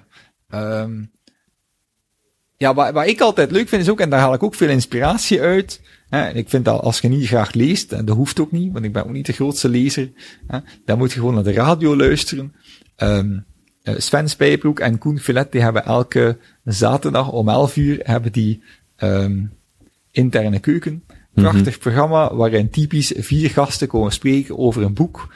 Daar zit heel veel non-fictie bij. Dat is altijd inspirerend. En dat gaat over, want de boeken waar ze daarover hebben, dat zijn boeken die over een brede interesse gaan. Ik denk dat dat ook belangrijk is. Want als ik u nu straks een top 3 geef van boeken, dan kom ik misschien weer uit bij zo de, de klassiekers. Daar komen de niet-klassiekers aan bod. Ja, daar zat een paar maanden terug een prof uh, van de KU Leuven, die kwam vertellen, we hebben een soort van boek geschreven over alles alle kennis samengevat, waar ze verbanden hebben gelegd tussen een hoofdstuk over kernfysica, maar waar ze een verband hebben gelegd met filosofie enzovoort. Dat idee dat er zo heel veel kruisverbanden zijn, dat dat, dat, dat misschien wat middeleeuwse ideaal van de humaniora en de brede vorming, dat komt daarvoor. Dat is zo'n kloef van een boek, en ik wijs nu voor de mensen thuis, nou zo pakweg uh, 7, 8 centimeter dik. Uh, en de titel ontglipt mij, dat zullen we wel vinden, en dat komt straks in een linkje hieronder of zo. Maar, um, dat is een pracht van een boek. En ik heb dat dus nog helemaal niet uitgelezen. Ik ben daar niet geraakt, maar, want het is een veel dik boek. Maar ik heb al deze twee hoofdstukken gelezen. Dat is briljant om te zien hoe wetenschappers, ja, allemaal vanuit de KU Leuven, vanuit verschillende expertises, samenschrijven, echt samen teksten hebben geschreven over één onderwerp. En is dat dan een boek wat u bijvoorbeeld aanraadt? Als dat is een boek dat ik u kan aanraden als ja. je veel tijd hebt. Als je veel tijd hebt. Uh, uh, andere boeken die, die wel cool zijn, dat is, ik denk het volledige oeuvre van Tom en David Kelly. Hè, als je er eentje moet uitpakken, misschien moet je een laatste boek lezen, Creative Confidence. Creative Confidence. Ja, Creative Confidence van Tom en David Kelly. Even goed een prachtig boek is wat Tom Kelly geschreven heeft uh, een paar jaar terug, The Ten Faces of Innovation. De tien gezichten van innovatie. Maar daarvan heb ik hem zelf ooit horen vertellen. Dames en heren, als je ooit een boek schrijft, pak er in best geval iets met drie dingen of zo, want tien, er is niemand die tot aan het einde komt en je kunt ook in een presentatie nooit die alle tien vertellen. Ja. Van de ten Faces of Innovation, de eerste Face of Innovation in dat boek is die Anthropologist. Dat is een beetje het verhaal dat ik je net ja, heb geschetst. Inderdaad. Maar dus Creative Confidence, dat is een dun boek, ze kunnen meteen mee aan de slag. Prima. Nog zo'n leuk om te lezen. vorige week nog um, met Ramon Vullings samengezeten en ik was ook op de boekvoorstelling in Amsterdam. Ja, ben ik naartoe gegaan voor uh, Cross Industry Innovation. Uh, crossindustryinnovation.com is de website. Het boek heet Not Invented Here. Er zijn zo verschrikkelijk veel dingen die je zelf niet hoeft te bedenken, want iemand anders heeft ze al bedacht. Dus als ik mensen tegenkom die zeggen, we zitten met een probleem, maar we hebben in de verte verte geen idee. Wel, dat boek gaat exact over hoe je ideeën van andere sectoren kunt vertalen naar jezelf. Wat ook direct een, een, mooie essentie van boeken lezen of van literatuur is, dat er heel veel problemen zijn die, die eigenlijk al besproken exact. zijn. Uh, ja. ja. En op de website vind je een hoop tools, ze hebben hele mooie voorbeeldjes, dus het is ook een boek met zo wat extra's. Want ik vind dat ook wel belangrijk, dat er zo wat... Het, het is niet alleen, ik lees het boek, je legt het aan de kant en ik ben klaar. Het is, ik lees het boek en ik start pas. Ja. Um, Peter... Hebben we er nu al drie? Ja, zeker. Ik ga, ze, ik ga ze allemaal... Uh, Goeie boek. Ja. Um, ik ga nog een paar uh, snelle vragen stellen. Wel, de vragen zijn snel. Uh, u mag er snel of, of, of uitgebreid op antwoorden. Wat doet de Vlaamse overheid op dit moment goed ten opzichte van ondernemers? Ik denk dat de Vlaamse overheid ongelooflijk goed bezig is op zich, op het vlak, dat is het feit dat ze Flanders IC, ondanks de zware besparingen en de dingen laten bestaan. En ik denk dat dat belangrijk is, dat we blijven inzetten op creatief ondernemen. En de Vlaamse overheid heeft nu toch wel laten zien dat ze dat aan het doen is. Dus dat is belangrijk. Er zijn daarnaast nog heel veel dingen die ze aan het doen zijn. Ja, iets, iets wat ze niet zo goed rond, doen? Rond administratieve vereenvoudiging enzovoort. Dat zijn dingen die ze zeker moeten doorzetten. We zien dat ze federaal bezig zijn met justitie op te kuisen, waar ook nog gigantisch veel werk aan is. Maar je ziet dat daar nu stappen worden gezet om ons in de 21ste eeuw te brengen. En ik denk dat dat goed is, dat mensen die daarmee bezig zijn, keihard worden ondersteund. Want het is voor hen zeker niet altijd makkelijk om dat te realiseren binnen een overheidscontext. Maar er zijn een aantal mensen nu goed bezig dat ze die nu laten doen. Misschien is dat wel het belangrijkste. Grootste uitdaging voor België in de komende tien jaar? Grootste uitdaging voor België in de komende tien jaar? Um, ja, wij zullen internationaal altijd een heel klein land blijven. um, misschien nog kleiner worden zelfs, afhankelijk van hoe dat, dat uh, verder evolueert in ons land. Maar effectief, we zullen altijd een klein land blijven dat het moet hebben van internationale samenwerking. Ik denk dat we moeten inzetten om die samenwerking nog verder te doen bloeien. Hè? Zeker als we in Vlaanderen willen blijven, die start-ups die er nu zijn, um, ja, want het start-up klimaat in Vlaanderen is toch al een stuk beter dan een pak vijf, tien jaar geleden. Hè? Dus we zijn daar op, daar op de goede weg. Die start-ups moeten nu de kans geven om via samenwerking het buitenland te veroveren en dan kan dat hier helemaal goed komen. Ja. En dan focussen we denk ik vooral ook best op onze nabije buurlanden, want daar werkt het best. Ja. Um, Nederland, Duitsland, Frankrijk. Voilà. En ja. misschien vooral Duitsland. Vooral Duitsland. Duitsland is een zeer groot land. Dat is het grootste land van de Europese Unie. Daar wonen de meeste mensen. Die spreken allemaal een taal die wij in België ook allemaal zouden moeten kunnen spreken. Genau. um, ik heb nu op Duolingo, dat is ook zoiets, heb ik nu Duits ben ik nu aan het doen. Ik zit sinds vanmorgen aan level 8. Dat is nog helemaal niet om naar huis over te schrijven, maar toch, dat zijn kleine dingen, ik denk dat we daarop moeten inzetten. Ja. Ik, heb, uh, ik heb zelf het geluk gehad om een jaar in Hamburg te wonen. Um, als ik een citytrip kan aanbieden, de mooiste stad uh, van Duitsland voor mij uh, persoonlijk. Ah, ideaal. Zeg dat vooral ook aan Astrid, die bij ons het onthaal doet, want zij heeft ook roots in Duitsland. Ga ik in Hamburg, geloof ik. Ga ik haar vertellen. Helemaal goed. Ja. Um, Peter, welk middelbare vak, en ik denk dat ik al een, uh, een, een idee heb, zou je direct verplichten? Goh, ja, ik weet niet of dat een idee hebt. Wat is uw idee? Wel, ik zou zeggen dat het sowieso iets in de technologische richting waar een kind zijn of haar talent aan de hand van technologie. Ik weet niet of het dan per se robotica moet zijn voor het financiële aspect. Ja. Um, ah, wel, uh, uh, om op het financiële aspect te, te, starten, ik wil hier geen al te grote reclame maken, maar wij zijn met Dwengo effectief een relatief goedkoop project. Daar kunnen scholen, elke school kan dat betalen. Meer nog, er zijn vandaag scholen die zot veel geld uitgeven aan technologische dingen die veel duurder zijn en didactisch minder interessant. Dus ik denk effectief dat Dwengo is best wel betaalbaar. Voor 150 euro heb je een startpakket en kunnen meteen beginnen. Voor één klas. Uh, dan kun je met een paar leerlingen samen al een robot beginnen bouwen. Als je dat echt goed wilt doen, en er zo'n paar pakketten nodig. Maar voor 1000 euro zijn 100% geregeld. En er zit een leerlijn in, zodat je kinderen van de lagere school tot en met het eind van het middelbaar hun uitdaging zullen hebben. Dus het is niet te moeilijk voor die kleintjes. Maar er zit toch voldoende diepgang onder voor de grote. Dus op dat vlak, het hoeft niet duur te zijn. En we merken bij robotica ook dat dat is dat heel veel kinderen kan meetrekken in dat verhaal. Als het gaat over programmeren, dan is dat soms zo wat een, een, een, een clean verhaal, want dan blijft dat op dat scherm. Zo'n robot beweegt, dat, dat op zich al is een deel van het succes, dat maakt het tastbaar enzovoort. En dus ik denk dat inderdaad dat we daar dingen op zouden moeten inzetten, maar we moeten inzetten op zoveel, hè. En dan denk ik dat het punt is effectief, moest er een vak bij komen, als ik minister van Onderwijs was, ik zou een soort van ding uitvaardigen dat we moeten vakken alleen maar schrappen en geen nieuwe vakken bijvoegen. Maar ik denk dat de attitude moet veranderen. En ik denk dat het leuk zou zijn als we alle leerkrachten een vak kunnen meegeven. Om echt hun vak te geven vanuit het talent van hun leerlingen. En om hun vak te geven, ook niet in een push-down manier van ik ga het hier eens allemaal vertellen, maar echt inhakend op, inhakend op initiatieven ook van de leerlingen, inzettend op het stimuleren van initiatieven bij die leerlingen, inzettend ook op het, op het zelf exploreren van die leerlingen, dan komt het helemaal goed. En dat kan in denk ik alle vakken. Want we zien heel vaak dat dat, en dat zien we vanuit Dwengo. ook als ze met Dwengo naar een school gaan, dan vragen die altijd, heb je een stappenplan? Want dat zou toch makkelijk zijn als we kunnen stappenplan hebben, maar van stap 1 tot en met stap 35, hoe zo'n kind een robot moet bouwen. En dan zeggen wij, doe dat vooral niet. Als je dat wilt doen, koopt u dan Lego-robots of iets anders, die zijn veel duurder, maar er zitten stappenplannen bij. Wij gaan uit van de visie van dat kind. Als een kind bij ons, en dat hebben we nu heel goed gedaan op ons zomerkamp ook laatst, dat waren kindjes van 9, nog nooit met zo jonge kinderen gewerkt. Kindjes van negen, die zijn op ons zomerkamp de maandag begonnen met een idee te verzinnen van hoe een robot er zou kunnen uitzien. Die hebben de meest fenomenaal fantastisch creatieve hmm. dingen getekend, waarvan wij onmiddellijk wisten, dat, dat gaan ze nooit niet zelf kunnen maken. Maar als ze in die fantasie van dat kind meestappen en stap voor stap ontdekken en experimenteren met dat Wengo pakket, met wat Lego blokken, wat dat er wel kan, dan voelt dat kind hoe hij zelf vanuit zijn eigen visie kan iets gaan construeren. En dan hebben ze ook iets bijgeleerd. En dan bouwen ze op het einde van de rit bouwen ze een robot die effectief werkt. Er waren bijvoorbeeld een aantal kinderen die hadden een robot gemaakt met twee pootjes. Een wandelende robot.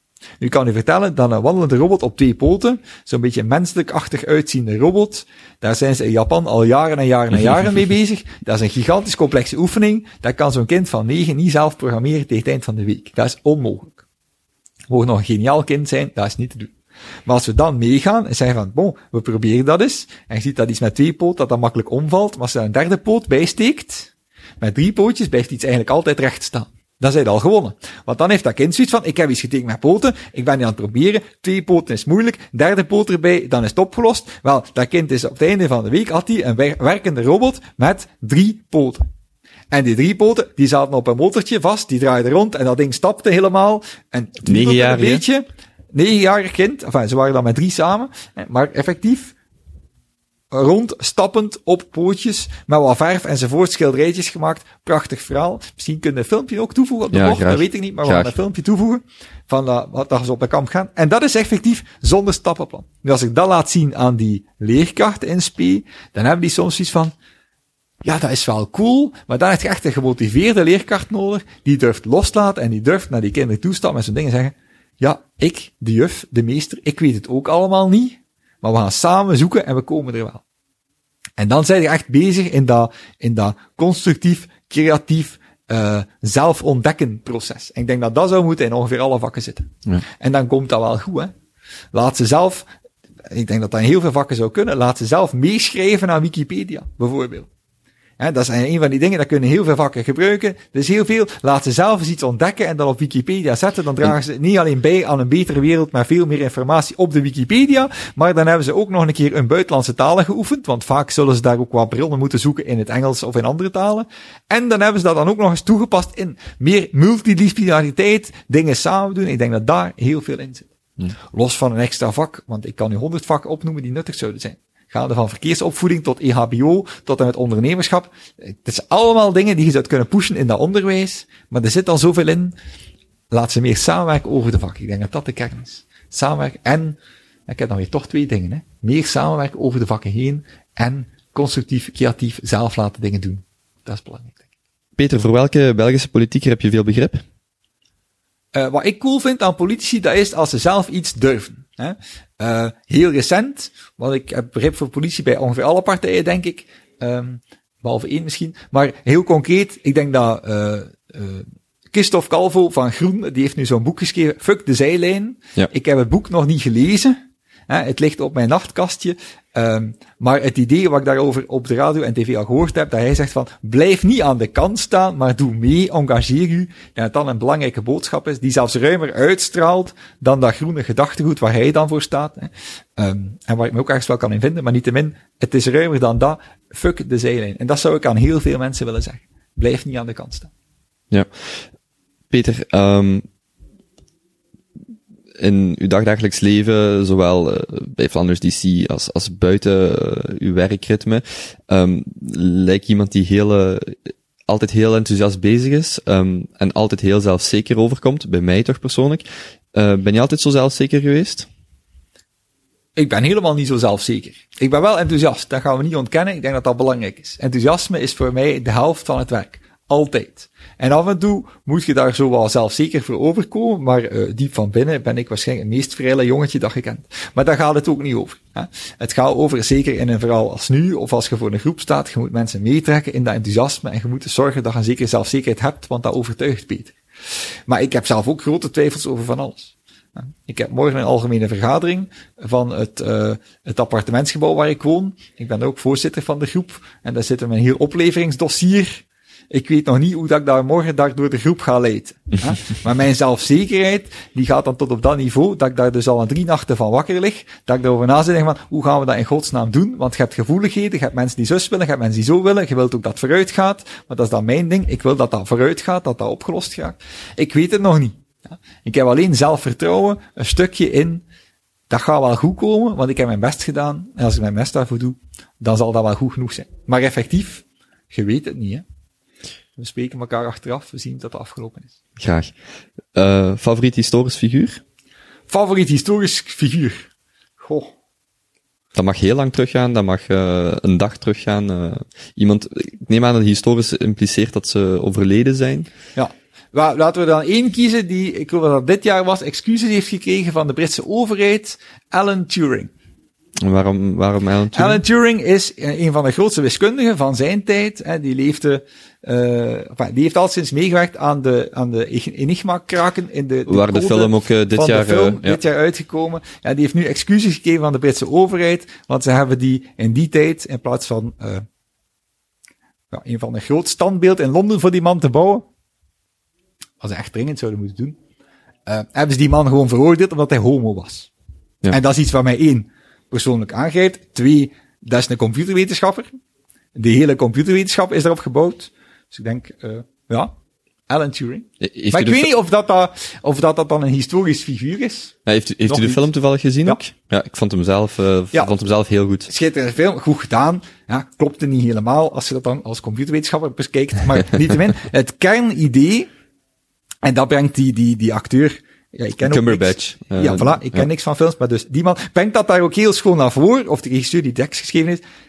Hij zei, wij zijn er aan het strijden tegen een machine. We zijn aan het strijden. We kunnen niet beginnen s ochtends met die code te kraken, want morgen is dat weer een andere code, dus we kunnen zo blijven sukkelen. En hij heeft daar keihard moeten doorzetten, want ze zat daar dan een team van, wat was het in de film? Tien onderzoekers ja. opgezet die dat allemaal aan het proberen waren. En hij heeft gezegd, stop, dat heeft geen zin. En ik ga ook niet meewerken met prutsen om die code te vinden. Ik ga prutsen aan een machine dat die code voor ons gaat vinden.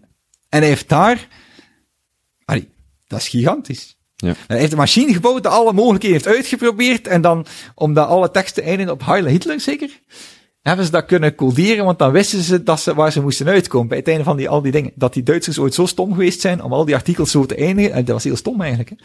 Maar niettemin, dat heeft heel die oorlog versneld. Allee, of, of het einde daarvan dichterbij gebracht. Prachtig. Peter, was uw beste aankoop van ongeveer 50 euro in de laatste 12 maanden? Dat vind ik een supercoole vraag. Beste aankoop van ongeveer 50 euro in de laatste 12 maanden. Het mag iets minder zijn, iets meer, maar rond 50 euro. Uh, ik weet niet, wat kost zo'n Kindle tegenwoordig, of is dat te duur? Maar ik heb het al langer geleden gekocht, maar ik heb dit Die jaar niet gekocht, dat kwalificeert als omdat antwoord. Het, het uh, schermpje kapot was. Um, en als dat dan zo via Amazon gekocht hebt, dat dan zo niet dezelfde garantie die je dan in Europa typisch wel hebt, dus dat was zo van gesukkel. Maar niettemin, um, ja, dat is zeker. Een ja, Kindle? dat vind ik wel nog goed. Ja. Ja. ja. Misschien iets te duur. Ik ken een duur smaak. Dat zal zijn. Ik denk dat die vanaf 80 euro zijn, of het, Ja, het, het voilà. is zoiets tot Ja, we 100. hebben dingen gekocht die nog goedkoper waren, maar veel beter. Ja, misschien deze boekjes. Dat We zijn, hebben eh, dat van zijn zwarte... CC hebben van die zwarte Kindle boeks, eh, Kindle, eh, Moleskine-achtige boekjes Ja. laten drukken. Die hebben een heel stuk minder gekocht, gekost, maar dat heeft ons al heel veel opgebracht. Zijn die, alleen- zijn die ook te koop? Die zijn niet te koop. Hè. Eh, mensen krijgen die soms mee op een workshop bij ons, maar mensen zijn er één, zot content van. En twee, dat zijn boekjes, voor de mensen thuis ook, daar staan geen lijntjes in. Ja. Je hebt er een versie met lijntjes ook. We hebben lang gezocht naar een versie zonder lijntjes. Omdat je nu echt de volledige vrijheid hebt om in dat boekje te doen wat je wilt. Dat is de max, hè. Ja, ik ben zelf, uh, het, is, het is een gewoonte die ik mijzelf nog moet kweken. Ik heb hier toevallig ook een Moleskine liggen en ik ben deze keer ook voor, um, voor pagina's zonder lijntjes of ja. zonder puntjes gaan. Ik vind dat fantastisch om gewoon de creatieve, je kunt daarin tekenen, je kunt daarin schrijven. Ja, dus, uh, dus, en dat dus zou dat is ik een ook iedereen aanraden om effectief volgend jaar voor 50 euro boekjes te kopen. Dat komt een jaar lang toe en dan kun je alles opschrijven wat je denkt. Want ik denk dat, ah, dat is zeker voor mij toch nog zo. Voor jongere mensen die luisteren naar dit interview misschien niet, maar voor mij toch nog zo. Op de computer is dat toch niet hetzelfde. Inderdaad. Ja, en, en, en misschien heel kort op inspelen. Um, uh, wanneer iemand iets schrijft, uh, zit je zowel uh, visueel bezig, want je ziet de woorden, je bent ook instrumenteel bezig, want je schrijft het zelf, wat eigenlijk een, en eigenlijk ook auditief, want je, je spreekt de woorden zelf in je, in je hersenen waarschijnlijk af. Um, dus ja, dat is een enorme, enorme goede tool om bij te leren. Ja, in veel gevallen kan ik trouwens niet altijd mee lezen wat ik allemaal geschreven heb, maar Dat zelfs ik. dan nog maakt dat niet uit, want het feit dat je het ooit hebt opgeschreven zorgt er inderdaad voor dat het wat dieper in je geheugen zit. En dan komt er dat, en dan lees je daar iets in en dat wordt Ja. dan waarschijnlijk zelfs nog beter dan wat dat oorspronkelijk geschreven had. Think on paper. Ja. Um, Peter, uh, van welke kunstvorm kan je intens genieten? Ik ben helemaal een schilderijmens. Ja, de beste schilderijen zijn geschilderd tussen 1908 en 1910 door uh, Kandinsky. Kandinsky? Van, Ja. van waar is Kandinsky? Kandinsky die is een beetje van overal, maar dat is zo wel een ingeweken Rus. Maar die heeft zijn beste schilderij geschreven toen hij in Murnau am Staffelzee zat. Tussen 18, uh, 19, uh, ja, van 1908 is toegekomen. 1911 of zo vertrokken. Uh, maar dat, waren al, dat was best alweer voorbij. Maar zijn beste periode 1908 tot 1910. Heb je een schilderij van hem? Of een, of een kunstwerk? Uh, uh, al, ik zou graag een schilderij van hem hebben, maar dan mag hij nog lang sparen, denk ik. Ik heb thuis wel een reproductie hangen. Ja. En ik ben ook speciaal naar Moernau am Staffelsee afgereisd. Um, wanneer was dat nu? Is dat, nu een jaar geleden of twee jaar geleden? Ben ik in München geweest toen het grote, uh, grootste museum met een collectie van hem uh, helemaal gerenoveerd was. Bij de opening ben ik daar geweest. En dan ben ik ook van daaruit met de trein naar Moernau am Staffelsee geweest. En dat dat een uurtje met een trein was of zo, om te zien waar dat allemaal geschilderd is. Prachtig schilderij. Maar sowieso schilderijen in het algemeen, daar ben ik wel een fan van. En als het geen schilderij is, beeldhouwwerken, dat is minder mijn ding. Maar zo de, de, de mobiele installaties, die mobielen van Calder, die zijn ook prachtig. En wat is dat En precies? Calder heeft van die grote, ja, zo mobiel, zo, ja, ja, voor kleuters kopen ze dat ook vaak, of peuters of baby's, om dat zo boven hun wieg te hangen. Zo'n ding. Maar dat dan, maar dan op een veel grotere schaal en veel kunstzinniger. Met zwart, geel, rood, blauw, zo die basiskleuren. Rond Calder is een grote overzichtstentoonstelling. Binnenkort in, uh, in de, uh, Tate Modern in Londen. Hoe, hoe schrijf je Calder? Calder is C-A-L-D-E-R. Alexander Calder. Alexander met een X. Uh, ik denk het, ja. ja. Misschien nog uh, om terug te komen snel op, op het, uh, het schilderij. In die periode, als ik mij niet vergis, was ook Emiel van Doren actief, lokale held in Genk. Ook een kunstenaar. Kijk, ah, wel, nou, dat, ik, ik ben alles een fan van zo die, die, die, um, die schilderkunst die zo nog net figuratief is. Mm -hmm. Waar je zo nog net in kunt herkennen waar het over gaat. Als het abstract wordt, dan is het ook niet meer mijn ding. Maar die wel heel duidelijk weggaat van dat fotorealistische wat ze de eeuwen daarvoor altijd geprobeerd hebben. Want het fototoestel was al uitgevonden, dus daar moesten ze het niet meer voor doen. Maar in die periode konden ze zo verder gaan. Hè? Ja. En die periode, um, ja, dat, dat, dan, je ziet aan de poëzie ook, hè, dat zijn ook, hè, pak tussen dan en pak tien jaar later, heeft Paul van Ostaaien ook zijn gedichten geschreven. Die, die dichtbundel, Bezette Stad, hè, dat soort dingen, dat is, dat is, moet een prachtige tijd geweest zijn. Ik vind ja. die, die kunstzinnige sfeer van toen. Ja. Um, nog twee vragen, Peter. Um, is er een dagelijkse gewoonte die een groot impact heeft op je leven? Iets wat een, een, een ritueel of iets wat je s'morgens of s'avonds doet? Iets waarvan je zegt, dat helpt mij door de dag? Goh, dat helpt mij door de dag. Nee, ik heb te weinig vaste rituelen, denk ik. Ik heb nu sinds 78 dagen heb ik het vaste ritueel om elke ochtend Duolingo oefeningen te doen, om mijn talen te oefenen. Ik heb heel lang Frans gedaan, tot ik op niveau 15 zat en dan had ik zo al genoeg Frans opnieuw opgefrist. Dat heeft mij ook geholpen. Binnen Flanders ici heb ik iets gedaan samen met mensen uit de andere kant van het land en dat was dat wel handig om dat zo wat opgefrist te hebben. Nu ben ik met Duits bezig, waar ik quasi van nul begonnen ben. Want eine Stunde pro Woche, daar kunnen niet veel Duits mee leren in het middelbaar. Uh, dus dat zijn we nu aan het doen. Maar het komt allemaal terug. Ik denk dat dat nu een vaste gewoonte is. Um, maar ik weet niet of dat iets is dat ik iedereen of zo moet aanraden of zoiets. Dat, ja. Nee, maar het is iets wat u helpt. Ja, ja. ja. Dus uh, je staat op en uh, 20 minuten of een half uur of langer uh, taal leren op dit moment. Onmiddellijk. Onmiddellijk. Ja. Met de neus tegen de smartphone, maar ik heb dan mijn bril nog niet eens op. Doen we dat? Ja. Elke dag. Peter, allerlaatste vraag. Hoe zou je leven, of, of we kunnen een dag nemen als voorbeeld, eruit zien als uh, geld absoluut geen probleem was? Niet zo heel veel anders dan vandaag, denk ik.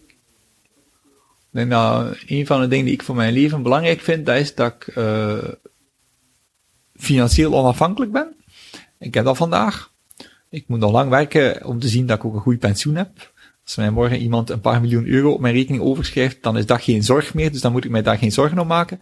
Maar ik zou niet andere dingen gaan doen, want ik zit, uh, uh, ik ben met projecten bezig vandaag waar ik in geloof. Dus ik ben niet zo'n type dat zegt, ja nee, als geld belangrijk is, dan ga ik toffe dingen doen. Ik ben het type die zegt, ik doe vandaag toffe dingen. En ik probeer continu in organisaties actief te zijn waar ik coole dingen kan realiseren die daadwerkelijk impact hebben. Want dat is voor mij belangrijk. En dat kan ik vandaag al doen, dus op zich, nee ja, misschien, ik zou een chauffeur hebben misschien. Als geld echt geen probleem was, ik haat autorijden, ik moet zo meteen weer naar Gent. Dat zou, als ik echt geld over zou hebben, dat zou ik misschien een chauffeur huren die mij naar daar zou brengen. Elektrowagen? En dat zou dan met een Tesla kunnen zijn ook. Verder maakt niet uit. Ik ben niet voor grote auto's, maar zo duurzaam en al, dat zou dan kunnen. Ja, maar, dus, nee, ik ben eigenlijk best wel gelukkig zo. Ja, dus als ik, uh, dat was dan ook uh, de vraag, als ik al die puzzelstukjes samenleg die je net aanhaalt en door heel, heel het interview, dan zit ik hier voor een uh, gelukkige man. Ja, ik denk nou wel. Ik ben iemand die af en toe stilstaat ook bij, ja, wat gaan we de volgende jaren doen? Ik denk dat dat ook belangrijk is om zo eens te zien. Uh, maar ja, ik heb een aantal projecten op stapel waar ik zoek, zeker nog veel werk aan heb. En waar ik ook voel dat wat je doet geapprecieerd wordt. En dan, dat, dan zijn we goed bezig, denk ik. Super. Peter, um, waar kunnen mensen u online vinden? Eventueel ook offline, Twitter, LinkedIn. Hoe kunnen mensen met u in contact komen? Moesten ze de, u willen zoeken? Mensen kunnen mij altijd uh, twitteren, at pbertels. Um, uh, P-B-E-R-T-E-L-S. Ja, ja, exact. Uh, uh, LinkedIn ook, al doe ik daar niet veel op, maar je mocht altijd een berichtje sturen, zeg maar. Je kunt mij een mail sturen, of je kunt gewoon contacteren op, op ja. Via Flanders DC. Via Flanders DC, of via Dwengo, peter.dwengo.org. Dwengo, D-W-E-N-G-O.org. Ja, voilà. Of, uh, misschien binnenkort ook op ptr.be. Die website is al online, had ik gezien. Die website is al online, maar die is al jaren niet meer aangepast. Maar dat is een van de projectjes voor de komende kerstvakantie. Dat is dat ik dat terug live zet, dat mensen daar echt kunnen zien wat ik ben en of wie ik ben en welke projecten ik ben. Dus als dat er deze kerst van komt, dat is vorig jaar niet gelukt. Maar ik hoop het wel eigenlijk. Dan, uh, ja, dan wordt dat soort van centraal platform waar dan alles aan gekoppeld is. Dat zou ik wel cool vinden. Als zo de dingen die ik doe op de een of andere manier ergens gecapteerd worden, omdat ik ook effectief in verschillende organisaties bezig ben en dat zo wat scattered is anders, dat ik dat zou kunnen samenbrengen. Ja. Dat zou wel tof zijn. Super. Peter, hartelijk bedankt voor uw tijd en uh, het was uh, echt aangenaam om voilà. met u, want we zijn nu ondertussen bijna een uur en twintig minuten bezig om uh, zo lang van uw tijd gebruik te mogen maken. Dat is heel erg graag gedaan. Kopen, veel succes nog met kapitein Kopen. En dan uh, hoor en lees ik het wel. Hè. Dankjewel. Alsjeblieft.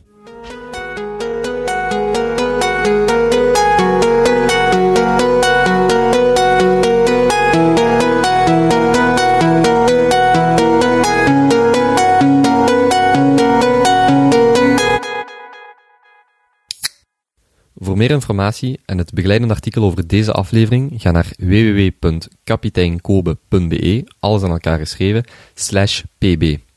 pb, uiteraard, van Peter Bertels. Je zal dan doorverwezen worden naar het artikel. Bedankt om te luisteren en tot binnenkort.